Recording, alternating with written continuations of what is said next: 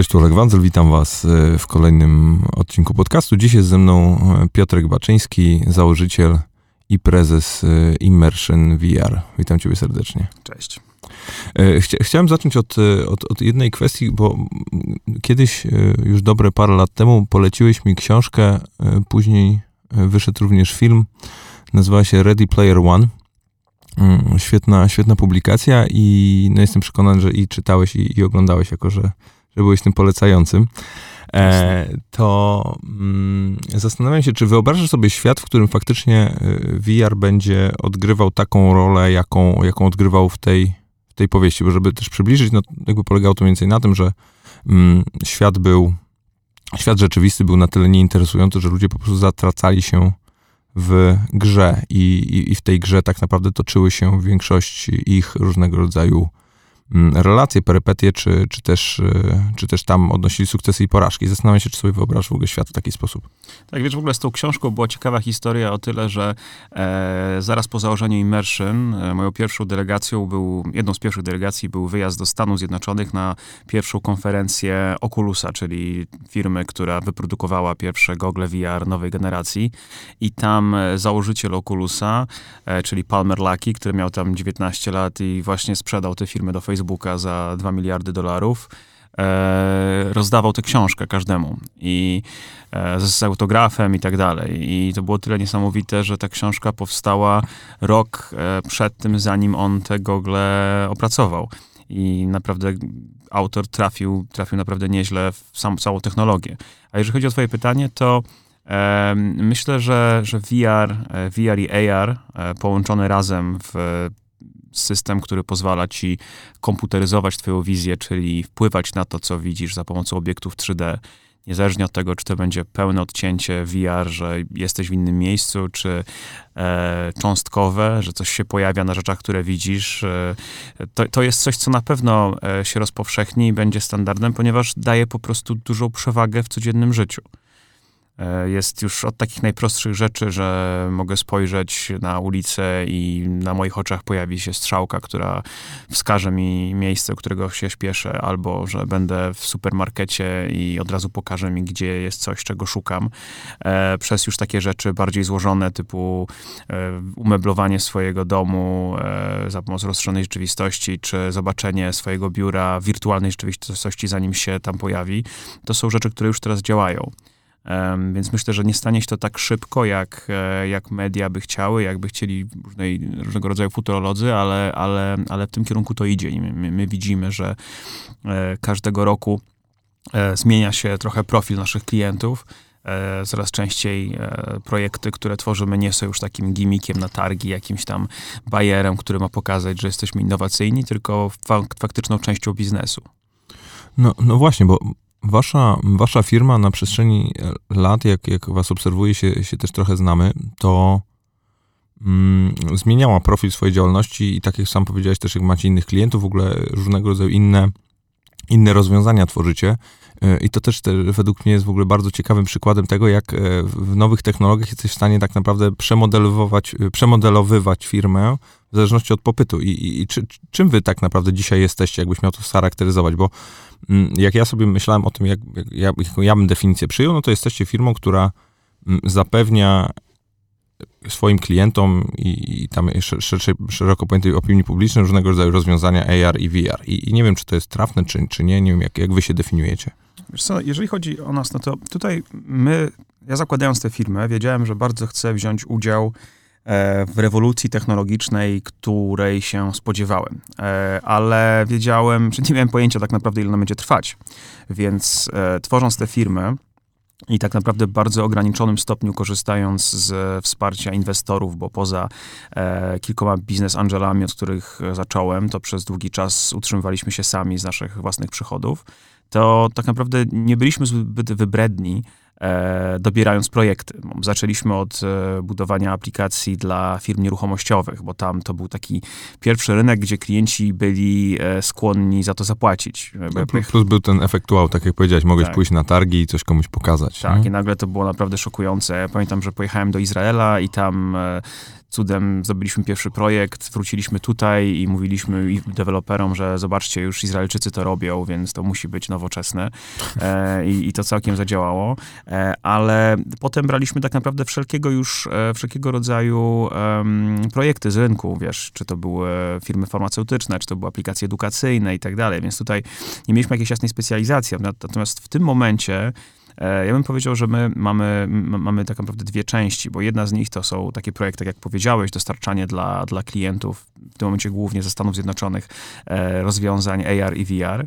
E, z tym, że my dość mocno e, jesteśmy aktywni w tej sferze koncepcyjnej i, i, powiedzmy strategicznej, bo my bardzo rzadko dostajemy jakąś specyfikację, zróbcie to i to, tylko bardziej przychodzą do nas klienci i mówią, że słuchajcie, no chcielibyśmy zrobić coś fajnego z wykorzystaniem nowej technologii, mamy taki cel, opracujcie nam to.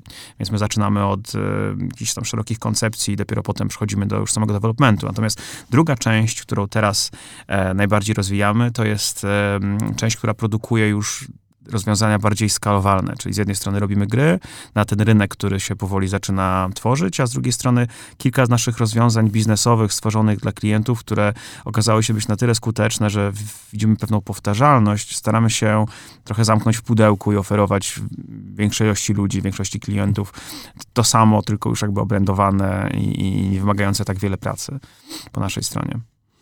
A, a, macie jakiś taki określony projekt albo, albo, albo jakiegoś rodzaju zlecenie, czy, czy coś, nad czym konkretnie teraz pracujecie, z czego albo już jesteś najbardziej dumny i, i faktycznie mega się tym chwalicie i, i, to był taki, nie wiem, krok milowy w rozwoju waszej firmy, czy, czy to dopiero przed wami?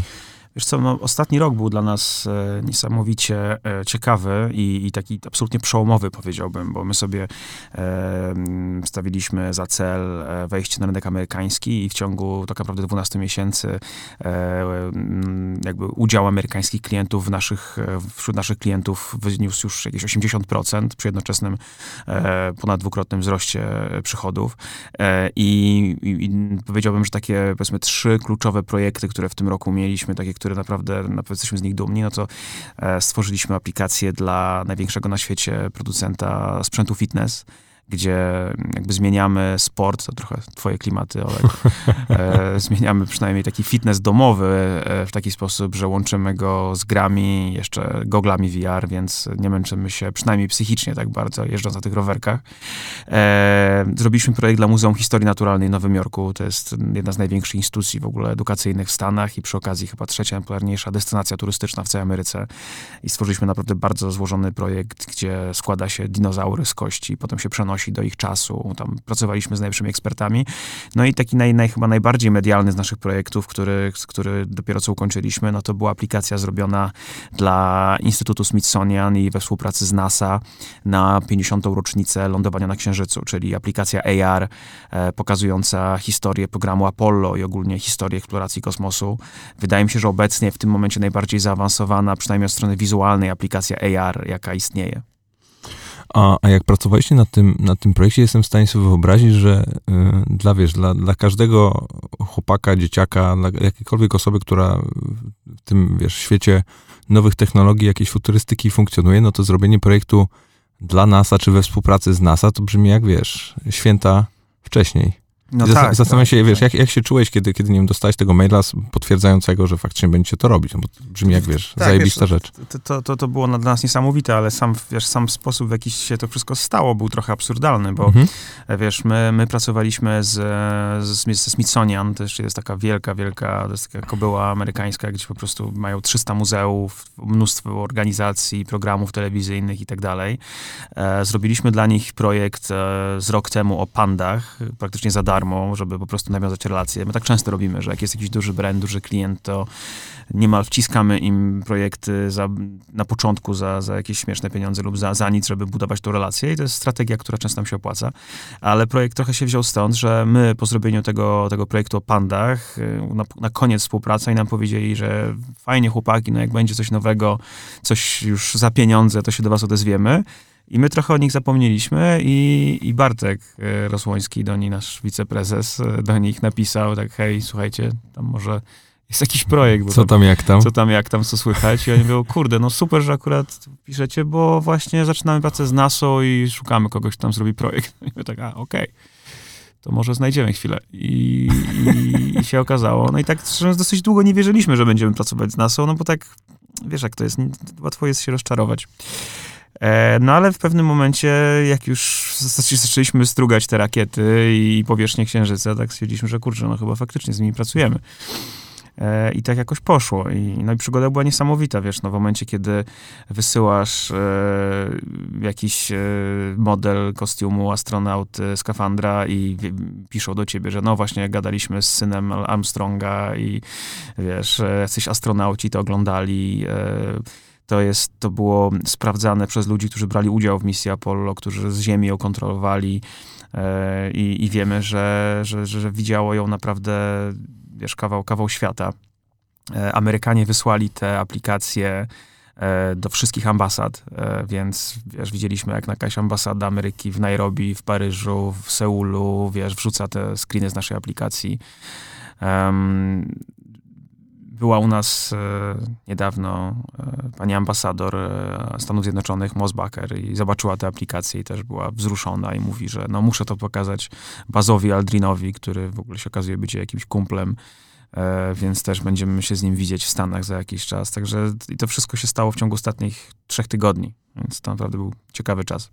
A czy w, w trakcie pracy nad tym e, projektem dowiedziałeś się czegoś nowego o, o tej misji, czy o, w ogóle o całym projekcie Apollo? Bo zdaję sobie sprawę, że wiesz, jedno to jest to, co możesz wyczytać, to, co faktycznie się, się dowiesz na, na przestrzeni jakiejś tam wiem, wiedzy ogólnej, a drugie to jest, co faktycznie możesz wyłapać z pracy z ludźmi, którzy faktycznie nad tym siedzą, nie? Czy siedzieli. Tak, tak, wiesz, no, no, na pewno bardzo wiele rzeczy. No, najbardziej w tym wszystkim niesamowite dla mnie było to, jak zaczynasz patrzeć już na wszystkie części składowe, bo jednak e, jak tworzysz, czyli to nie ja je tworzę, ale jak nasz zespół tworzy modele tych wszystkich pojazdów, to zdajesz sobie sprawę z tego, że to naprawdę nie było jakiś science fiction, tylko ci ludzie za pomocą naprawdę prymitywnej technologii, bo wiesz, mamy w iPhone'ie wielo, wielokrotnie mocniejszą moc obliczeniową niż oni mieli w sumie wszędzie, we wszystkich urządzeniach, które brały udział w tej misji.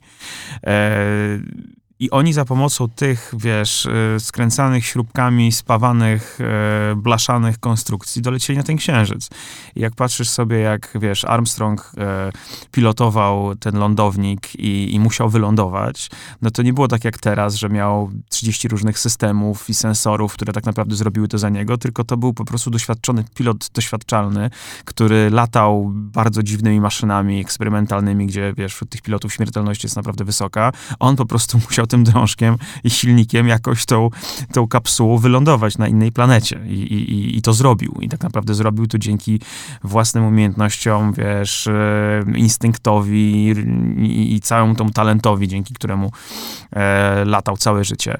Więc tak naprawdę, to naprawdę była taka, wiesz, robota ludzkich rąk. I tam co chwila, jak czytasz o tych misjach, no to tam były jakieś takie historie, że już tam jakiś kluczowy system im przestaje działać e, i nagle baza Aldrin naprawia go, wiesz, długopisem, nie? Albo, wiesz, coś tam za, za taśmą klejącą sklejają. To niesamowite, ile tam rzeczy musiało, e, ile rzeczy oni musieli sami wymyślić, żeby, żeby, żeby to zrobić. Um, bo wiesz, w tej naszej aplikacji to jest jakby nasze doświadczenia AR, to jest jedna rzecz, ale tam jest oś czasu, na której masz historię całego tego programu. E, ale też są takie rzeczy trochę no, przerażające, jak i, i wiesz, jakie, jakie to były czasy. No, to był wyścig bezwzględny z Sowietami, więc na przykład jak oni e, wsadzili do, e, do, do, takiej testowej misji małpę e, o imieniu Szynka, i sprawdzali, że ta małpa, żeby ta małpa tam odpowiednio się zachowywała w tej kapsule, bo miała udawać człowieka, no to w momencie, kiedy ona przestawała patrzeć na e, te systemy, te przyrządy, na które człowiek by patrzył, to ją raził prąd.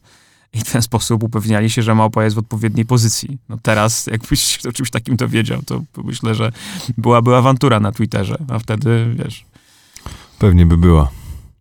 Wiesz, e, e, dla mnie to jest w ogóle niesamowite, bo, bo akurat 50-lecie tej misji siłą rzeczy sprawia, że dużo więcej się o niej mówi i, i ja też tak naprawdę ostatnio dopiero po prostu zacząłem dużo więcej czytać o tym, bo no siłą rzeczy, wiesz, po pierwsze nie było mnie na świecie, po drugie nawet jak, e, jak, jak zaczynasz dorastać, to jeżeli ty się tym partykularnie nie zainteresujesz, to to też nie jest coś, co do ciebie jakoś super dociera. Wiesz oczywiście, że to się wydarzyło, wiesz kiedy mniej więcej to się wydarzyło, ale nie, nie znasz wszystkich tych tych historii dookoła i jestem w stanie sobie wyobrazić, że, że to jest taka część e, w ogóle budowy biznesu, która spra- chyba, chyba taka najfajniejsza, kiedy jesteś w stanie poszerzać jakiegoś rodzaju swoje horyzonty i po prostu, wiesz, pracować z ciekawymi ludźmi i doświadczać ciekawszych historii, nie? I, tak, i tak. Wiesz, no, wiesz, wszyscy mogliśmy siedzieć za biurkiem i, i teraz klepać jakieś tam No totalnie, Excele, wiesz, nie? my, my tak naprawdę, gdybyśmy, wiesz, ja, ja mam takie szczęście, że trafiłem na, na, e, wiesz, udziałowców, inwestorów, którzy są naprawdę bardzo tolerancyjni do, do, do moich różnych pomysłów,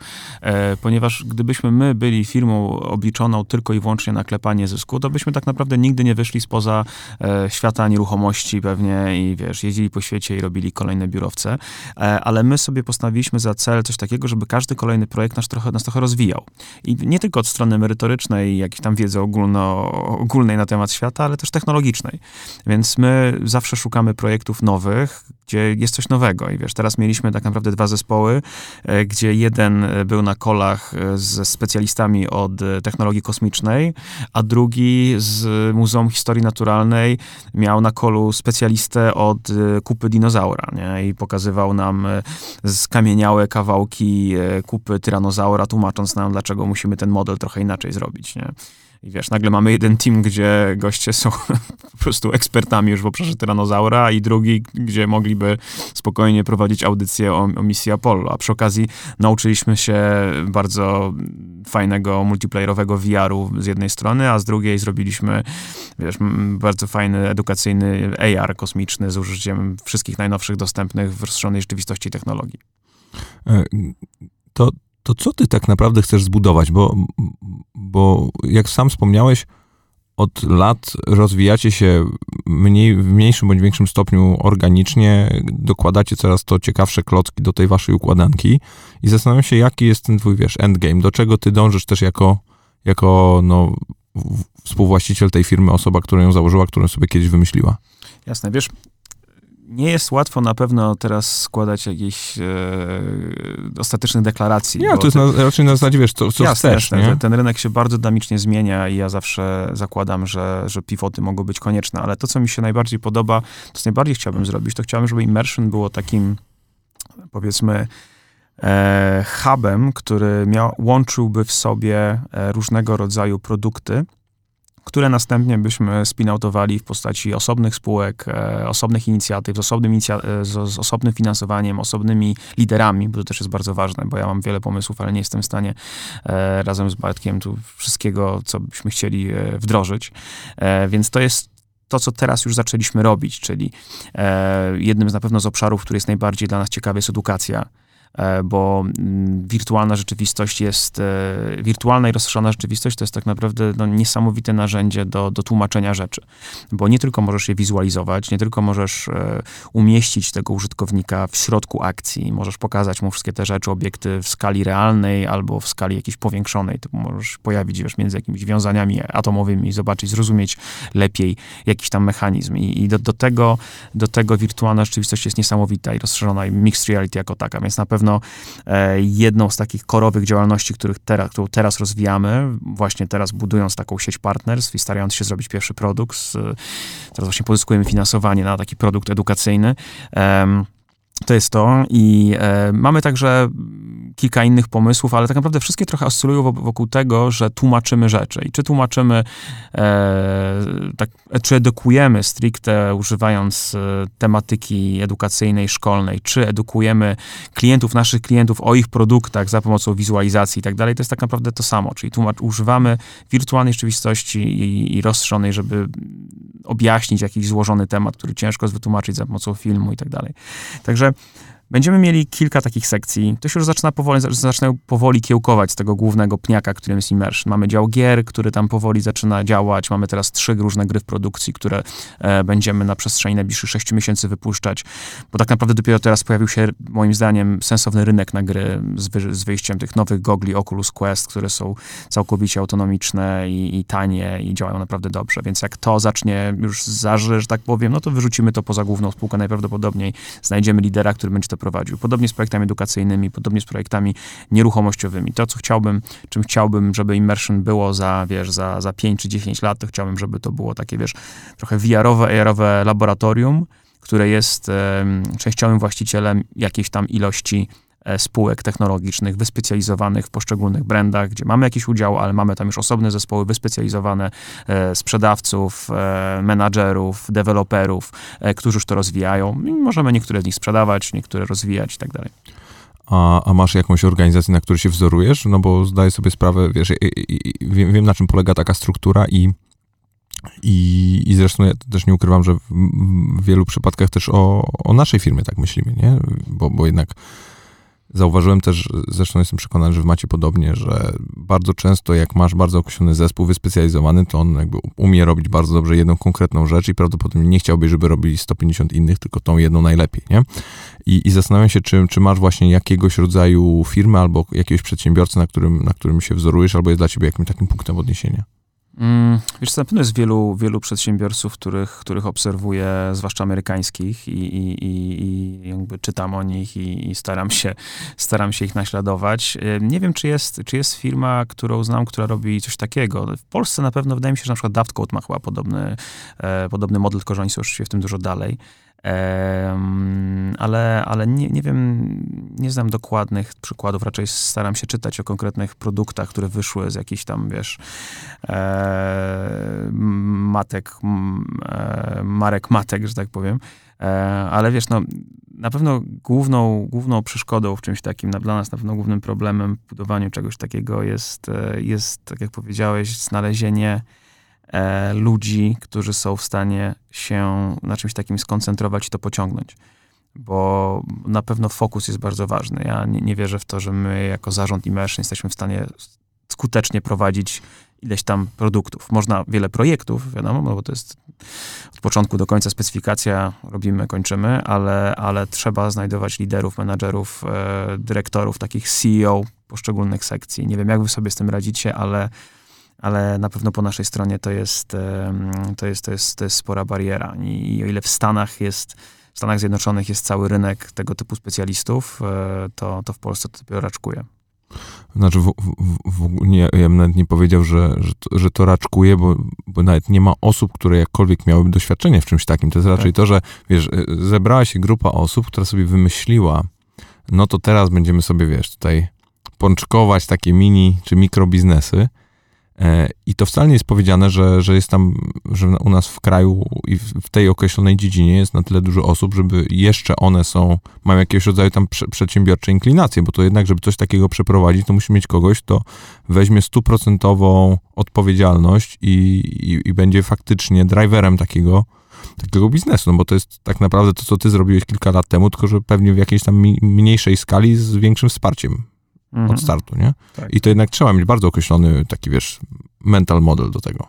Tak, tak, no bo tak naprawdę siłą rzeczy to, to, to, co się, to, co tak naprawdę mówimy, to jest e, w świecie, gdzie bardzo trudno jest zrobić jedno, jedne udane przedsiębiorstwo, my planujemy zrobić wiele udanych przedsiębiorstw, prawda? Więc to jest... Ale, ale ewidentnie to, to, to da się to zrobić. A, a, skąd u ciebie się wzięła w ogóle taka potrzeba budowania nowych rzeczy, nowych, e, nowych firm, przedsiębiorstw? Bo, bo odkąd, cię, odkąd cię znam, odkąd pamiętam, to zawsze coś budowałeś i, i, i zawsze to był, to był jakby twoje jakiś tam gen czy, czy definicja. I, i zastanawiam się, gdzie, gdzie jest tego początek. Hmm, wiesz co, ciężko, ciężko mi powiedzieć, co się zaczęło, bo, bo, bo ja zacząłem pracować w ogóle bardzo wcześnie, bo ja, e, wiesz, jak miałem tam, czy praca w cudzysłowie trochę, no ale jakby zarabiać własne pieniądze, bo ja jak miałem chyba z 7 czy lat, e, 7 lat byłem w 5-15, takim programie wtedy popularnym, potem byłem, potem dubbingowałem bajki przez, przez wiele lat, składałem głos pod jakieś dziwne postacie, jakichś kanałach typu Fox Kids, których już nie ma, więc, więc zawsze coś tam robiłem i ale nigdy tak naprawdę nie licząc krótkiego epizodu, e, gdzie pracowałem w Irlandii, kładąc glazurę i w knajpie w Stanach, nie pracowałem jakby na e, na etacie. Nie, pracowałem jeden dzień w firmie, gdzie, gdzie wpisywałem dane z, dane z kuponów. I, i, Co się wydarzyło? Tak, tak jeden, jeden dzień, to było niezłe. E, gdzie tam się dostawało dwa grosze za przypisanie jakiegoś, wiesz, kuponu z jakiegoś tam e, czasopisma Antena. E, I ja pamiętam, że tam po czterech godzinach miałem tam 50 kuponów przepisanych, a koleś obok mnie miał chyba tam 3000. e, ale po tym jednym dniu wiedziałem, że to nie jest do końca e, mój klimat. E, i, I po powrocie ze Stanów e, jeszcze chwilę się bawiłem na, na giełdzie, na Forexie, ale to był tam 2007 rok, nie najlepszy czas na to. I dosyć szybko, tam w wieku dwudziestu kilku założyłem agencję z przyjacielem e, interaktywną, Esencję. E, I od tego czasu już zrozumiałem, że to jest ten obszar, gdzie czuję się najlepiej, bo e, ja lubię, lubię jakby sprzedawać, Wiesz, lubię, lubię przekonywać ludzi do swoich pomysłów, ale żeby to robić, muszę bardzo wierzyć w to, co sprzedaję, a żeby w to wierzyć, muszę się tym trochę jarać, a żeby się tym jarać, no to musi być coś, wiesz, co, co, co jakby sam zrobiłem, albo mam w tym udział, albo uważam, że, że jest naprawdę fajnym pomysłem. Co też sprawia, że cały czas szukam nowych, nowych rzeczy, bo dopóki mam w sobie tę energię, to wtedy jestem skuteczny. A to nie jest trochę tak w takim razie, że ten kolejny krok, o którym mówisz i to, i to zakładanie tych poszczególnych nowych biznesów, nowych projektów nie jest troszeczkę takim karmieniem tego wewnętrznego chochlika, który po prostu non-stop potrzebuje nowych wrażeń? Tak, na pewno, na pewno tak jest, tylko wiesz, temu chochlikowi trzeba trochę założyć jakiś tam homonto, że tak powiem i e, wspierać go. Um wiesz, to jest tak, że ja chętnie wjadę z nowym pomysłem. E, często moje pomysły okazują się, zwłaszcza od strony jakiejś takiej ogólnej biznesowej, jakaś moja wizja tego, co się stanie z technologią, jest, e, okazują się być słuszne, ale to, to czego potrzebuje przedsiębiorca, który ma tak dużo impulsów, dużo pomysłów, to jest e, organizacja, która, wiesz, potem to wesprze. I to jest to, co my zaczęliśmy od jakiegoś czasu robić i, i, i jest, no i jest duża różnica, wiesz, typu znaleźliśmy człowieka, który prowadził u nas dział nieruchomościowy i nagle się okazuje, że ten dział jest w stanie zrobić dużo więcej, dużo sensowniej e, niż, to, niż to, co się działo, kiedy mieliśmy czas na niego, wiesz, godzinę tygodniowo, chwilę pogadać, że ej, a co robimy z naszymi nieruchomościowymi projektami. E, więc, e, więc ja myślę, że, że, że, że, że jednym z takich kluczowych wyzwań przed nami to jest właśnie zbudowanie organizacji, która jest w stanie kiedy już taki pomysł, jakiś tam MVP wchodzi, mamy pierwszą trakcję, mamy jakiegoś pierwszego klienta, to potem już trzeba wprowadzić organizację, która może nie jest tak bardzo, e, wiesz, impulsywna, tylko jest po prostu persistent, jest, wiesz, konsekwentna i, i te wizje realizuje. I to jest to, co teraz budujemy. A jak patrzysz na, na swoje doświadczenie w budowaniu biznesu, to jest jakiś jaki jeden obszar, z którym masz, czy miałeś największy problem i, i nad którym musisz najwięcej pracować, bo, bo faktycznie jest tam dużo więcej nie do końca fajnej treści niż się spodziewałeś? Wiesz co, no, na, na, pewno, na pewno to, co, to, co zrozumiałem e, w ciągu tych pięciu lat budowania Immersion, to jest to, że e, niesamowicie, że tak naprawdę, wiesz, to jest taki trochę taki, taki, taki truizm, wszyscy o tym mówią, ale no to jest naprawdę prawda, że, że, że firma to są ludzie I, i jest gigantyczna różnica pomiędzy człowiekiem, e, który chce u ciebie pracować, a człowiekiem, który pracuje u ciebie, bo, bo musi, bo akurat mu tak mu jest na rękę życiowo. I, i w momencie, w którym twoja struktura zaczyna rosnąć, na początku masz, wiesz, trzech pracowników, pięciu, wszyscy się znacie, siedzicie, żartujecie, nagle jest 10, 15, 20, 30, 40 i nagle zaczynasz troszeczkę mm, być od nich odcięty. Zaczynasz przestawać rozumieć, co tam się w środku dzieje. I dla mnie na pewno to był, e, to był taki bardzo e, ważny, trudny moment, kiedy nagle, e, wiesz, masz osobę, która pracuje z tobą 3 lata, i nagle taka osoba odchodzi. I ty jesteś w ogóle w szoku, no bo jak to? No przecież jest super, jest w ogóle mega fajnie, wspaniale wszystko działa, a ty odchodzisz. I się okazuje, że, że, że tak naprawdę nie miałeś czasu posłuchać, zrozumieć, łapiesz kogoś w korytarzu, jak tam, okej, okay, okej, okay, piątka, fajnie. A tak naprawdę ta osoba ma ileś tam problemów, próbuje z tobą pogadać pierwszy raz, drugi raz, trzeci raz. Po trzecim razie, jak widzi, że tak naprawdę jesteś głową zupełnie gdzie indziej, to trochę odpuszcza. E, I można stracić naprawdę niesamowicie talentowanych, wspaniałych ludzi, którzy mają potem, jak się okazuje, dużo większy udział, mieli dużo większy udział w twoim sukcesie niż się mogło wydawać. Więc to, co, to nad czym od, od, od tak naprawdę, powiedzmy, roku pracujemy, to jest właśnie lepsze zrozumienie e, naszych pracowników, naszych ludzi, bo to są ludzie, którzy, którzy poświęcają jednak kawał, kawał życia na, na, na pracę z nami e, i zrozumienie zrozumienie ich, zrozumienie ich potrzeb, ich wizji. E, wiesz, jak zaczęliśmy rozmawiać z wszystkimi i, i jakby poświęcać im trochę więcej czasu naprawdę zadawać pytania, ciągnąć za język, to się nagle może okazać, że, że osoba, która robiła coś, wolałaby robić coś zupełnie innego, że jakiś, nie wiem, grafik tak naprawdę to wolał być programistą i w ogóle ma jakieś bardzo fajne dokonania w tym obszarze, ale nikt go nie słuchał, nikt nie miał czasu z nim o tym pogadać. Także e, zarówno w obszarze szukania ludzi, i, i, i, utrzymania tych ludzi, to to jest tak naprawdę, e, wiesz, e, kluczowa rzecz. I to będzie coraz większy problem dla polskich firm. Ja, e, wiesz, biorąc aktywny udział w tej VR-owej rewolucji, e, widzę, że jednym z obszarów, który VR e, zmieni bardzo, jest praca zdalna. Bo ja już teraz miałem, miałem takie doświadczenie, często o tym opowiadam, ale to jest naprawdę taka głupota, ale zrobiła na mnie większe wrażenie, że kiedyś mieliśmy takiego bardzo specyficznego klienta, który e, robił e, takie aplikacje VR-owe na imprezy masowe. I on tam był na Coachelli, na jakimś tam Tomorrowlandzie, takie największe imprezy. I on to dopiero budował, ale polegało to na tym, że na jakimś evencie stawia namiot, w środku jest tam 100 zestawów VR, ludzie zakładają te gogle i pojawiają się w jakiejś wirtualnej przestrzeni e, i w tej wirtualnej przestrzeni tańczą, bawią się i tak dalej. E, I on chciał, żebyśmy mu tam pomogli to dokończyć, bo tam mu jakiś team wysypał, no, kolej ze Stanów. E, I przyszedł do nas i mówi, że mam taką aplikację, tam taki jest właśnie magiczny las i w tym lesie jest wirtualny DJ i tam ludzie w VR-ze tańczą. No ja mówię, dobra, no to pokaż mi, jak to, jak to wygląda. On mówi, no to chodź spotkamy się w tym lesie. I ja mówię, tak, wiesz, no dobra, okej, okay, ale jak to? No w VR-ze, wiesz. My jako firma VR-owa byliśmy trochę w szoku, że ktoś chce zrobić spotkanie w VR-ze, bo to się jakby nie zdarzało do tej pory, głównie dlatego, że nasi klienci raczej VR-u jeszcze nie mają, albo jeszcze dopiero się go uczą. Tam ci akurat mieli. No i wiesz, założyłem gogle, no i pojawiłem się w magicznym lesie. Mam jakieś, wiesz, wirtualne LEDy wokół pniaków. Trochę to wyglądało jak taki festiwal, jest tam gdzieś w Michigan, Electric Forest. Nie byłem, ale ponoć fajny. I, I wiesz, pojawiłem się tam z nim, e, no i pojawia się obok mnie ten awatar tego gościa. On mówi, o, zaraz będzie nasz, nasz technik. Pojawia się drugi awatar obok, trochę niższy gość. Yy, I widzę już po mowie ciała mniej więcej, wiesz, jakoś od razu ich lepiej rozumiesz, lepiej czujesz. To jest taka pierdoła, ale jak człowiek stoi przed tobą i widzisz jego ruch rąk, jak on tam się pochyla, odchyla, to już jakoś podświadomie masz dużo, lepszą, dużo lepsze połączenie z nim, koneksję. I wiesz, i chodziliśmy po tym lesie, on mi pokazywał, dobra, tę scenę tę chciał przesunąć w prawo, te drzewa w ogóle wywalić.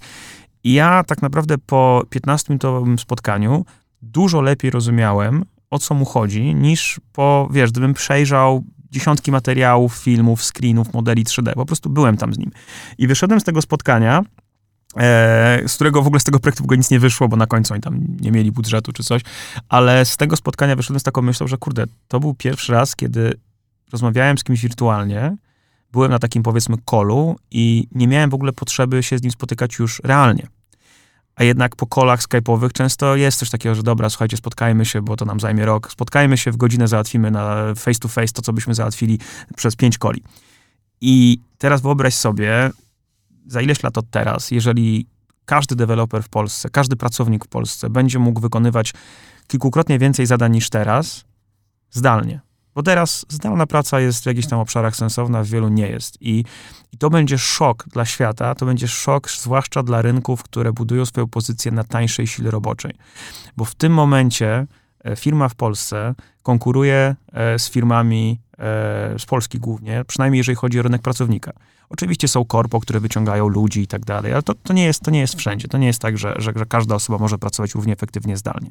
W momencie, w którym różnica pomiędzy e, pracownikiem w Polsce a pracownikiem w Ameryce dla firmy z San Francisco to nie będzie już 50% efektywności z racji tam właśnie odległości, różnicy czasowej i tak dalej, tłumaczenia rzeczy, tylko 10%, a różnica w cenie będzie 90% czy coś takiego, no to te wynagrodzenia pójdą w górę w Polsce zacznie ta globalizacja, globalizacja zacznie zrównywać te rzeczy. I e, ja żyję z świadomością, że za, wiesz, 10 lat, a może wcześniej, i myślę, że raczej sporo wcześniej, to polski startup będzie się bił o inżyniera już nie z innym polskim startupem, nie z, wiesz, z Citibankiem czy innym korpo, tylko będzie się bił ze startupem z Silicon Valley. I, I to będzie naprawdę, naprawdę potężna, potężna zmiana. I ciekaw jestem, jak, jak, jak sobie z tym poradzimy. Tym bardziej, więc ten, ta cała strategia rekrutacji, utrzymywania ludzi będzie absolutnie najważniejsza. Bo wiesz, też no, szczęście, nieszczęście, akurat branża technologiczna to jest świat, gdzie te wynagrodzenia nie są jeszcze czynnikiem decydującym, nie są tym czynnikiem najważniejszym, bo wielu programistów woli zostać w firmie, bo ma tam znajomych, bo ma tam jakiś tam fajny klimat. Niemniej e, na pewno wszystkie firmy w Polsce będą musiały się e, się na tym skupić i wiesz, czas Januszy biznesu, którzy traktują pracowników jak, jak, jak mięso, się, się na pewno kończy. To jest w ogóle, mm, to jest, wiesz, temat rzeka, ale się zastanawiam, czy y, udało wam się znaleźć jakiegoś rodzaju sposób, albo wewnętrzny system, albo macie jakiś taki, wiesz, patent na to, żeby wyłapywać te poszczególne jakieś tam czerwone flagi czy alerty, bo to, co powiedziałeś a propos jednego z tych twoich pracowników, który właśnie któryś kto kolejny raz chciał pogadać i, i tak naprawdę nie znalazł do końca tego, tego, tego oparcia, jakiego w danym momencie potrzebował, to też zdaję sobie sprawę, że szczególnie przy dużo większych organizacjach, ty już musisz mieć jakiegoś rodzaju system czy sposób do tego, żeby wyłapywać te rzeczy. I zarówno w pozytywnym sensie, to znaczy znaleźć kogoś, kto faktycznie, nie wiem, overperformuje i chcesz go dać gdzieś wyżej albo chcesz mu dać więcej. I też z drugiej strony te osoby, które faktycznie nie dają rady, bo takie też na pewno są. I zastanawiam się, jak to, jak to u was działa, bo, bo bezwzględnie też widzę, że na przykład u nas, gdzie no, są miesiące, że potrafimy, wiesz, mieć na projektach 100-120 osób, to, to już jest Armagedon czasami, nie? No tak, tak, wiesz, ja na pewno nie jestem w tym obszarze ekspertem, bo, bo wręcz to uważam to za jedną z moich pięt achillesowych, e, ale e, hmm. których mam kilka, ale... Ale poczekaj, ale właśnie, ale właśnie tak, ze względu na to, Tak, nie? tak, więc to jak my sobie z tym poradziliśmy, no to spróbowaliśmy wprowadzić pewną systematyczność. Zatrudniliśmy osobę, która się tylko tym zajmuje i to jest pierwszy raz, kiedy mamy taki prawdziwy HR od, od początku. E, I, I wiesz, no dzisiaj nawet e, jak wiesz, mam kilka spotkań rano, potem do, do końca dnia siedzę i rozmawiam z pracownikami, na każdego mam tam wiesz godzinę. E, i mm, sprowadziliśmy taką systematyczność w tym, gdzie po prostu rozmawiamy, pytamy, komentujemy, robimy mm, takie wiesz, ankiety, zaczęliśmy robić takie spotkania wewnętrzne, gdzie pracownicy, wiesz, dzielą się wiedzą, bo to wiesz, też nie tylko chodzi o relacje pracownika z zarządem, ale też o relacje między pracownikami. Bo wiesz, e, w takich firmach jak my, gdzie jest dużo małych zespołów, często jest tak, że wiesz, jest jakiś zespół, który robi coś zarąbiście i drugi zespół, który na przykład akurat w tym się nie specjalizował, ale dostał taki projekt i nie ma czasami komunikacji, bo wiesz, ja czasami widziałem takie sceny, że pięciu gości się kłóci, jak coś zrobić, nagle jeden facet, który doskonale wie, jak to zrobić, odwraca głowę i mówi, guys, no tak i tak i to się zdało, bo, zdarzyło, bo akurat miał słuchawki wyłączone, nie? I, a, a jeżeli ta komunikacja jest wewnątrz poprawiona, to także sprawia, że osoby się czują lepiej. Więc na pewno jakaś systematyczność i, i, jakieś jasne zasady, wiesz, także na przykład bardzo ważne jest um, wytłumaczenie pracownikom tak naprawdę, co oni mogą w tej firmie osiągnąć. Bo to też jest, wiesz, często tak, że ktoś przychodzi do pracy, robi coś tam, robi to dobrze, tobie zależy na tym, żeby to wciąż robił, bo, bo, bo, bo jakby spełnia swoją rolę, no ale człowiek chciałby wiedzieć, jaki jest kierunek, dokąd może dążyć, jakie ma możliwości, więc też taka pewna transparentność e, jest, jest, jest, tym, jest tym niezwykle ważna, bo ja jeszcze jestem w dosyć specyficznej branży. Ty akurat w, no, w Abstra to masz, e, powiedziałbym chyba ekstrowertyków bardziej, a u mnie, u mnie odwrotnie, więc e, często taki, wiesz, e, sposób działania inżynierów, programistów, grafików, artystów jest taki, że oni trzymają to w sobie, tłamszą, wiesz, nie powiedzą i nagle, nagle w coś z nich pęknie, albo wręcz ktoś do nich przyjdzie, bo też trzeba pamiętać, że to już nie jest czas, gdzie, gdzie ludzie, akurat mamy taki rynek pracownika, że mało kto szuka pracy, to praca szuka człowieka. Nie? Masz, masz coraz lepiej wyspecjalizowanych rekruterów, którzy przychodzą do twoich ludzi i wiesz, hej, może byś coś chciał zmienić, jesteś tu szczęśliwy na pewno, a może to, a może tamto. I oni wiedzą już o co spytać, wiesz. Więc trzeba się też, też przed tym bronić.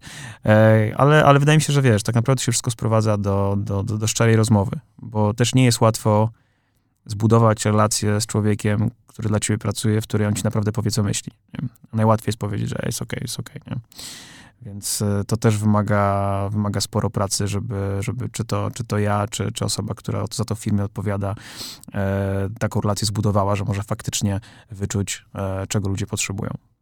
A jak ty dbasz o to, żeby, żeby te, te, tego typu negatywne emocje, czy, czy różnego rodzaju właśnie wątpliwości, o których przed chwilą powiedziałeś, w tobie się nie pojawiły, bo, bo zdaję sobie sprawę, że, że, że na, tym, na, na tym froncie, na, na przedzie tej, tej, tej mikroarmii, którą, którą gdzieś tam budujecie, może być i mega samotnie i też, wiesz, bardzo tak po omacku możesz się często poruszać i zdaję sobie sprawę, że, mm, że to nie zawsze, wręcz bardzo często nie jest komfortowe położenie. Zastanawiam się, jak sobie z tym radzisz.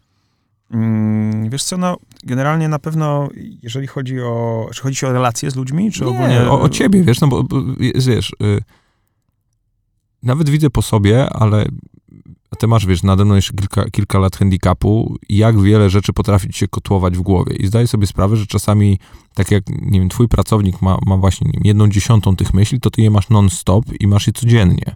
I zastanawiam się, w jaki sposób tak naprawdę sprawiasz, czy, czy dbasz o to, żeby nie zwariować, bo, bo to jakby tyle materiału do przemielenia może tak, sprawić, no, że po prostu wiesz. Tak, no to, to jest na pewno coś, z czego, z czego pracownicy sobie nie zdają sprawy, ile przedsiębiorca, który który jest ich tam przełożonym, e, ma na głowie, jest tego sporo, ale wiesz co, no, więc trzeba z tym żyć, wiesz, to też nie jest tak, że, że z dnia na dzień dostajesz nagle w głowę tym, że musisz mieć na wynagrodzenia dla, dla 50 czy iluś tam osób i, e, i z dnia na dzień masz, e, wiesz, 30 projektów i różnych pomysłów. Generalnie e, ja staram się po prostu, ja daję sobie dużo miejsca na błędy, to znaczy zakładam, że jesteśmy w tak szybko zmieniającym się świecie, że nie wszystko wyjdzie.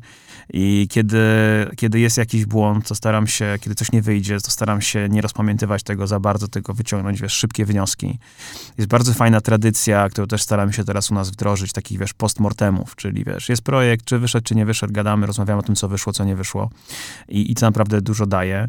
E, ja wiesz co, ja ogólnie jestem dość odporny na, na stres e, i, i zawsze staram się znaleźć pozytyw w czymkolwiek. Naprawdę aż czasami do absurdu. E, typu jak wiesz, yy, ostatnio zgubiłem plecak z laptopem, to stwierdziłem, że a, może, może to i lepiej, taka nauczka, wiesz, żeby, żeby nie zostawiać plecaków w Uberze, może następnym razem miałbym w nim coś cenniejszego i tak dalej. No, także, e, także na pewno, wiesz, na, na, pewno z tego względu e, przedsiębiorczość to nie jest zadanie dla wszystkich. Na pewno osoby, które są, e, bardzo źle znoszą niepewność, bardzo źle znoszą ryzyko, nie będą miały z tym problem. Ja akurat jestem mocno niefrasobliwy E, wiesz, ja potrafiłem przez lata, wiesz, nie zamykać mieszkania, bo stwierdziłem, że e, co tam, jaka jest szansa, że ktoś mi, ktoś, ktoś mi tam wejdzie, nie? Dla, co dla wielu osób jest było jakimś absurdem, w ogóle stary, jak to mogłeś to robić.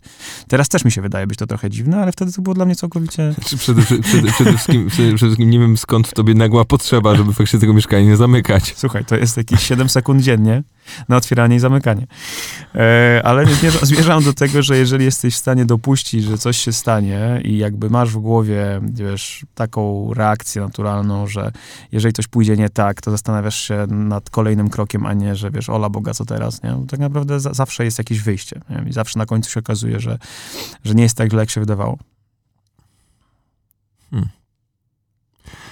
Bardzo mi się podobało to, co powiedziałeś e, a propos tego, że przedsiębiorczość, przedsiębiorczość nie jest e, dla wszystkich, bo mam takie wrażenie, że, że żyjemy teraz w czasach, w których przedsiębiorca, wiesz, ma bardzo podobny status do jakiejś gwiazdy roka czy, czy jakiegoś mistrza sportu i dzisiaj każdy aspiruje do tego być przedsiębiorcą, czy być youtuberem, czy jakąś tego typu, tego typu jednostką i, i mam wrażenie, że jednak zbyt mało mówi się o tym, co jest po drugiej stronie i, i z czym to się faktycznie wiąże, bo, bo to wiesz, jak sam powiedziałeś, to jest bardzo określona droga, ma takie plusy, takie minusy i powinieneś podjąć świadomy wybór, czy to jest faktycznie dla ciebie. I, i zastanawiam się, czy, mm, czy widzisz gdzieś też na horyzoncie jakby gdzieś przeminięcie tej fali na, na to, że to jest, wiesz, sexy teraz, wiesz, zakładanie firm jest fajne. Wiesz co, tak, ja, ja, czy ja myślę, że absolutnie się z tobą zgadzam. Uważam, że, że, że jest to, jest ogólnie teraz taki kult przedsiębiorcy, który, kult takiego startupowca nawet, nie przedsiębiorcy, bo wiesz, to też nie jest tak, że, że jaramy się każdym przedsiębiorcą, bo ja pamiętam, miałem jakiś taki moment dla mnie, e, dość zabawny. Wiele lat temu, jak zakładałem moją, e, zakładałem moją pierwszą firmę właśnie z kumplem i byłem u mojej księgowej i ona coś tam właśnie gadała z jakimś gościem, który miał budkę z kurczakami z rożna. No i my tak, ja coś tam, no dobra, kończę z tym panem. I on, on wyszedł, on mówi, no ten pan ma budkę z kurczakiem z rożna. I my jakoś tak zareagowaliśmy, gówniarze, tak hihi, kurczaki. Ona tak spojrzała na nas, mówi, no on ma pięć razy większy obrót niż wy z jednej budki. I my tak, ale zaraz, jak to? Przecież my jesteśmy, my mamy startup, halo, my tu jesteśmy w nowych technologiach, a to jakaś budka. Więc wiesz, więc jest, tym bardziej jest taka, jest taka, taka, propaganda, że, że, że właśnie, że startupy, że w ogóle najlepiej to nie robić biznesu, tylko mieć startup. I, i co, to, co to w ogóle znaczy? I wiesz, też jest e, prezentowane to w taki sposób e, mocno nieprawdziwy, że wiesz, siedzą goście na pufach z makami i generalnie palą gibony i jest fajnie a, a potem się okazuje, że, że, że, że, to trwa tylko chwilę, a potem już jest po prostu mm, orka. E, a jednocześnie jest bardzo wiele obszarów, bardzo wiele zawodów, gdzie, gdzie w ogóle te cechy przedsiębiorcze nie są potrzebne, a jesteś, jesteś równie istotny. Więc myślę, że wiesz, teraz jesteśmy u końcu, już chyba przy końcu niestety najdłuższej hossy od chyba ever. Więc tak jak się teraz zaczną pierwsze historie już mniej optymistyczne, czyli nie tylko, że wiesz, tam miał pomysł, sprzedał za miliard dolarów, tylko właśnie, że wiesz, zaczną się zwolnienia, zaczną się, zacznie się taka brutalna weryfikacja tego, co naprawdę jest biznesem, a co było jakimś, wiesz, gimikiem, e, który tam urósł na chwilę, a potem się zderzył z rynkiem i spadł. I, i myślę, że zacznie, przyjdzie trochę taka chwila otrzeźwienia, i, i, i wiesz, i, i, trochę większa koncentracja na, na, na faktycznym biznesie, na, na wynikach, na zysku, a nie tylko na tym, że, że jest, wiesz, że wow, ale to też jest taka trochę, wiesz, bezkrytyczne podejście mediów. Ja codziennie otwieram, wiesz, internet i widzę artykuł, że jakaś firma podbija coś, podbija taki rynek, podbija taki, podbija Polskę, podbija Amerykę, podbija Japonię, zwykle jakaś polska firma, a potem czytasz, że się okazuje, że, wiesz, to jest jakiś super wczesny pomysł, niesprawdzony, niezweryfikowany, niefinansowany, no ale już podbili w zasadzie temat zamknięty. I myślę, że sporo ludzi czyta takie rzeczy, myśli sobie, kurde, no ja też chcę coś podbić, też zaraz coś zrobię, jak to chyba nie jest trudne, skoro wszystkim się udaje. A potem się okazuje, że tak naprawdę bardzo niewielkiej liczbie osób się udaje. Przecież te statystyki co do firm, które upadają, no tam w pierwszym roku upada ile procent firm? Nie pamiętam, 70, 80? Strasz, strasznie dużo. dużo. W, w, ogóle, w ogóle, jeżeli dobrze pamiętam, to w, w ciągu pięciu lat od założenia działalności no, upada większość, taka diametralna większość, typu tak. tam 90 kilka procent, nie? No tak, dokładnie. I tak to wygląda, ale tego już, o tym się już raczej nie dowiesz, nie? Tak naprawdę jest raczej taka narracja, że jak już masz ten pomysł, który jest w ogóle najważniejszy, a tak naprawdę jest moim zdaniem najmniej ważny praktycznie, no to już, e, to, to, to już ci się udało. Ja, ja, zawsze, ja zawsze mam strasznie, strasz, wiesz, uśmiecham się wewnętrznie, kiedy, kiedy jakieś osoby, nie wiem, przychodzą na jakieś tam spotkania, czy po prostu, wiesz, gadam, gadam z jakimiś znajomymi, albo ktoś nowy się pojawia w, w szeroko pojętym kręgu i, i zaczyna właśnie mówić, no, że ja mam tutaj taki pomysł i tak dalej i jakby chętnie ci o nim opowiem, jak tam podpiszesz mi jakieś umowy o zachowaniu poufności i tak dalej. Ja myślę, Boże, święty, jak naprawdę to jest jedna rzecz, o której ty się teraz, nad którą ty się zastanawiasz, tak. jedna rzecz, o którą ty się martwisz, to, to nie, nie, wróży ci specjalnie jakiejś no wielkiej to, to, przyszłości. Nie? Ale to jest, wiesz, to jest, to jest właśnie mega taka, czy powiedziałbym polska akcja, ale wydaje mi się, że to jest ogólnie po prostu coś w stylu, coś z czym się charakteryzują młode rynki jeszcze nie, niedostosowane jak ja właśnie do mnie czasami przychodzą ludzie, wiesz, ktoś mówi, słuchaj, mam pomysł na apkę wiarową, no ale wysłam ci NDA. To ja już nawet nie, nie chcę tej, tej konwersacji kontynuować, bo dla mnie to świadczy o tym, że ta osoba nie ma pojęcia, o czym mówi, bo jak jesteś w Stanach, to tam na jakimś sesji networkingowej, która w ogóle wygląda zupełnie inaczej niż u nas, bo wiesz, polski networking to jest zwykle taki, że siedzą znajomi, znajomi sami ze sobą gadają i, i jest super. I jest super, tak, jesteśmy fajni. A w Stanach jest tak, że podchodzi do ciebie jakiś randomowy gość i siema, cześć, skąd jesteś, ja jestem stąd i tąd i zaczyna ci wykładać swój pomysł na biznes i mówi ci dokładnie, co robi, jakie ma przychody, jaką ma monetyzację, jaką ma strategię i po kolei ci to wszystko wkłada do głowy po to, że liczy, że któraś z tych informacji, coś tam ci się pali jakaś lampka i powiesz mu, kurde, wiesz co, super, to ja akurat mam gościa, który może ci pomóc w tym. Albo znam inwestora, albo wiesz, albo nie wiem, znam fajny rynek, albo zobacz na ten produkt, może coś od nich pożycz. I tam to działa, dlatego że każdy wie, że szansa na to, że ktoś weźmie twój pomysł, i ten pomysł mu się tak spodoba, że on teraz rzuci wszystko, znajdzie team, znajdzie ludzi, znajdzie technologię, znajdzie finansowanie i w ogóle wszystko naraz. I nagle poświęci swoje życie, żeby ci, tobie ukry, ukraść pomysł, no jest naprawdę niewielka. A poza tym też zazwyczaj jest, jesteś w takiej sytuacji, że jeżeli już doszedłeś do momentu, w którym komuś o tym opowiadasz, to znaczy, że ty przeszedłeś x godzin pracy nad tą koncepcją i, i, i, odhaczyłeś ileś tam nieprawdopodobnych scenariuszy, które ta osoba i tak będzie musiała zrobić, więc i tak ten head start masz, nie? Tak, tak, zdecydowanie. No po prostu wiesz, fundusze inwestują w ludzi, nie? I fundusze inwestują w ludzi nie tylko człowieka, nie tylko w pomysł, bo pomysł jest najprostszą rzeczą, tylko w, e, w zespół, który jest w stanie ten pomysł zrealizować. Wiesz, tam jest takie powiedzenie, że każdy człowiek ma pomysł na firmę wartą milion dolarów czy miliard i to jest prawda, no bo, bo to, jest, to jest sam początek drogi. Dlatego ja zawsze mówię, jakimś, jak gadam z jakimiś młodymi przedsiębiorcami, że no nie kryjcie się z tymi pomysłami, no chyba, że to jest naprawdę jakiś, wiesz, niesamowity patent albo jakaś, nie wiem, biotechnologia czy coś w tym rodzaju, no to okej. Okay. Ale w 99% przypadków to, wiesz, im bardziej są, jeżeli jesteś pewny, że jesteś w stanie to zrobić i nikt nie jest w stanie zrobić tego lepiej niż ty, no to możesz się śmiało tym pomysłem podzielić. Raczej możesz na tym zyskać niż stracić. No, po, poza tym właśnie w przypadku tego typu przedsięwzięć, jeżeli nie masz też takiego przekonania, że tylko ty jesteś w stanie to zrobić i naprawdę w jakimś stopniu czujesz się unikalny, to też jest jakby dużo mniejsze prawdopodobieństwo, że ci się faktycznie uda, bo na koniec dnia tylko właśnie takie osoby, które są na maksa zmotywowane i przekonane o, o tym, że ten pomysł czy ta konkretna koncepcja jest do wdrożenia i jest do wdrożenia tylko przez tę osobę, jakby jest czynnikiem decydującym, przynajmniej tak wiesz, na w dłuższym jakimś horyzoncie, tak mi się wydaje. No wiesz, tak, no słuchaj, jak ja, jak ja założyłem Immersion, to ja tak naprawdę na wszelkich jakichś eventach publicznych, których raczej ogólnie unikam, ale, ale, ale pojawiałem się na jakichś tam konferencjach, e, ja sprzedawałem cały nasz cały nasz biznes. Mówiłem, słuchajcie, robimy to i to, mamy takich klientów, takie mamy produkty, zobaczcie, tak to działa, tacy ludzie to robią, takiego silnika używamy i, i nie wiem, czy, czy, czy konkurencja wykosiła z rynku? Absolutnie nie. Powstało sporo firm. Rozmawiałem z kilkoma ludźmi, którzy te firmy zakładali, mówili mi, że założyli je inspirowani jakimś wywiadem, który czytali ze mną, bo w tym świecie VR-owym my byliśmy jednymi z pierwszych, jeśli nie pierwsi.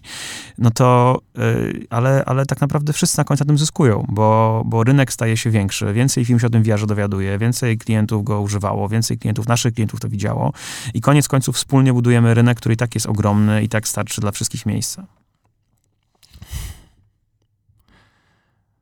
Tak sobie myślę, że z, oczywiście mając ten cały bagaż, e, o którym powiedzieliśmy, też tych jakby potencjalnie sporych problemów, czy różnego rodzaju negatywnych emocji z tym związanych, to jednak jest takie super, że możesz przyjść sobie, wiesz, we wtorkowy poranek, y, usiąść i pogadać o tym, że w jakimś małym wycinku faktycznie masz wpływ na swoją rzeczywistość dookoła. To jest, to jest taka poranna refleksja. Wiem, że ty nie jesteś poranny za bardzo, ale, ale, ale, ale, ale, ale, ale to jest super.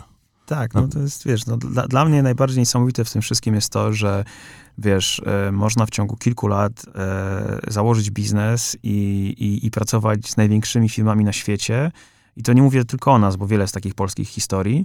E, I, I się okazuje, że tak naprawdę nie ma żadnej bariery. Że to nie jest tak, że, że, że są jakieś, wiesz, jakieś, jakieś niewidzialne szklane sufity, gdzie nie dojdziesz, bo jesteś z Polski, bo jesteś małą firmą, bo nie masz takich przychodów, bo nie masz takich ludzi, bo nie masz takiego akcentu, czy cokolwiek. Tylko tak naprawdę, jeżeli wierzysz w to, co robisz, to możesz, to cię docenią i, i, i będą z tobą pracować. Dla mnie też, y, dla mnie też takim, takim jakimś, nie wiem, zderzeniem z rzeczywistością było to, kiedy, kiedy faktycznie trochę po, po, pojeździłem po, po świecie, y, czy, czy do Wielkiej Brytanii, czy do Stanów, poznawać trochę tych ludzi i nagle widzisz, że to wcale nie jest tak, że dzieli was jakaś ogromna przepaść, nie? Oczywiście wciąż jest jeszcze wiele rzeczy, których można od nich wyciągnąć, bo jakby jest to raczej kwestia historyczna, czy też wielkości tam rynku i różnych innych kwestii, ale to naprawdę nie jest tak, że oni są, wiesz, galaktyki dalej. Nie no, ja ci powiem jedną historię e, i to była historia jeszcze sprzed kilku lat, kiedy byliśmy dużo mniej rozpoznawalni. E, było tak, że dostaliśmy jeden z takich pierwszych amerykańskich projektów i robiliśmy aplikację VR e, o e, Unabomberze, czyli terroryście, wiecie, z lat 80., wiesz, ten e, no Ted Kaczyński, nasz, nasz rodak, prawie wysadzał tam różne rzeczy w powietrze. I robiliśmy to dla takiego dużego muzeum w Waszyngtonie, I tam e, e, jakby jednym z konsultantów był agent FBI, który faktycznie tego Nabumbera znalazł. Ted, Terry Turchi chyba się nazywał ten gość. I on, on go w ogóle go złapał. I wiesz, i to muzeum dzwoni do niego i mówi, słuchaj, robimy aplikację VR-ową na temat twojej historii, czy chciałbyś wziąć udział? Oni mówią, no, a on, on się pyta, żebyś wiedział, kto to był. 70-kilkuletni emerytowany agent FBI mieszkający w jakimś lesie w Oregonie. Ja mówię, a z kim to robicie? Mówię, no z Immersion. Mówi, o, z Immersion. To ci z Polski. To ja ich kojarzę. I, wiesz, i oni do nas dzwonią, mówią, słuchajcie, no on, on was kojarzy. I, I teraz jak to się stało? Wiesz, to nie jest tak, że on czyta gazety, natomiast nie było w amerykańskich gazetach, więc w ogóle nie miał. Okazało się, że z dwa lata wcześniej, podczas mojej pierwszej wizyty w Stanach Zjednoczonych, kiedy właśnie dostałem tę książkę Ready Player One, poznaliśmy jakichś Amerykanów, którzy mieli jakąś, jakieś studio filmowe. Oni tam byli na tym festiwalu, bo się tym interesowali, tej konferencji. I oni znali tego gościa. I oni poszli do niego i powiedzieli, słuchaj, trzeba zrobić aplikację VR-ową o tej twojej przygodzie, a my właśnie poznaliśmy taką firmę z Polski, to oni to tanio zrobią. Trzy lata później, wiesz, muzeum, gdzie jest... Zrobiliście tanio. Wiesz, tak. No.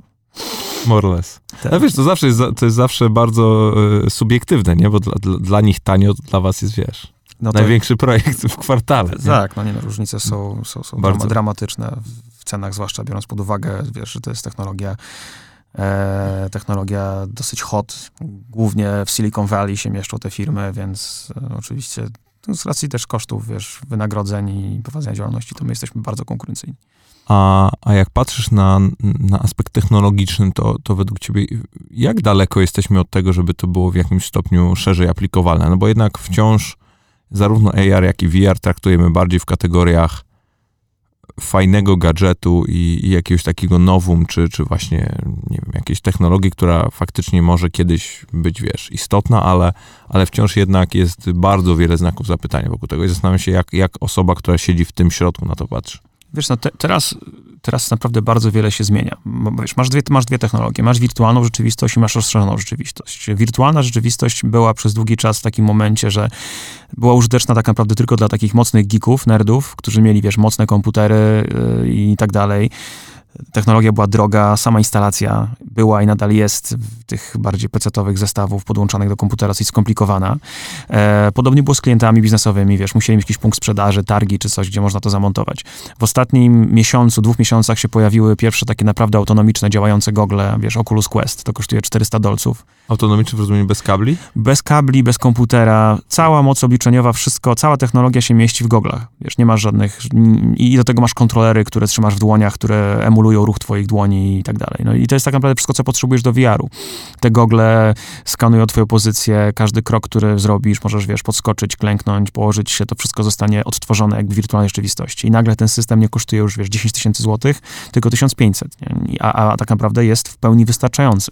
I to jest na rynku od 21 maja, wyprzedało się na Amazonie, wiesz, to jest taki pierwszy naprawdę mainstreamowy produkt. Jeżeli chodzi o AR, no to od roku, półtora roku wszystkie w zasadzie smartfony smartfony nowe, e, iPhony, Androidy mają AR już bazowo, nie?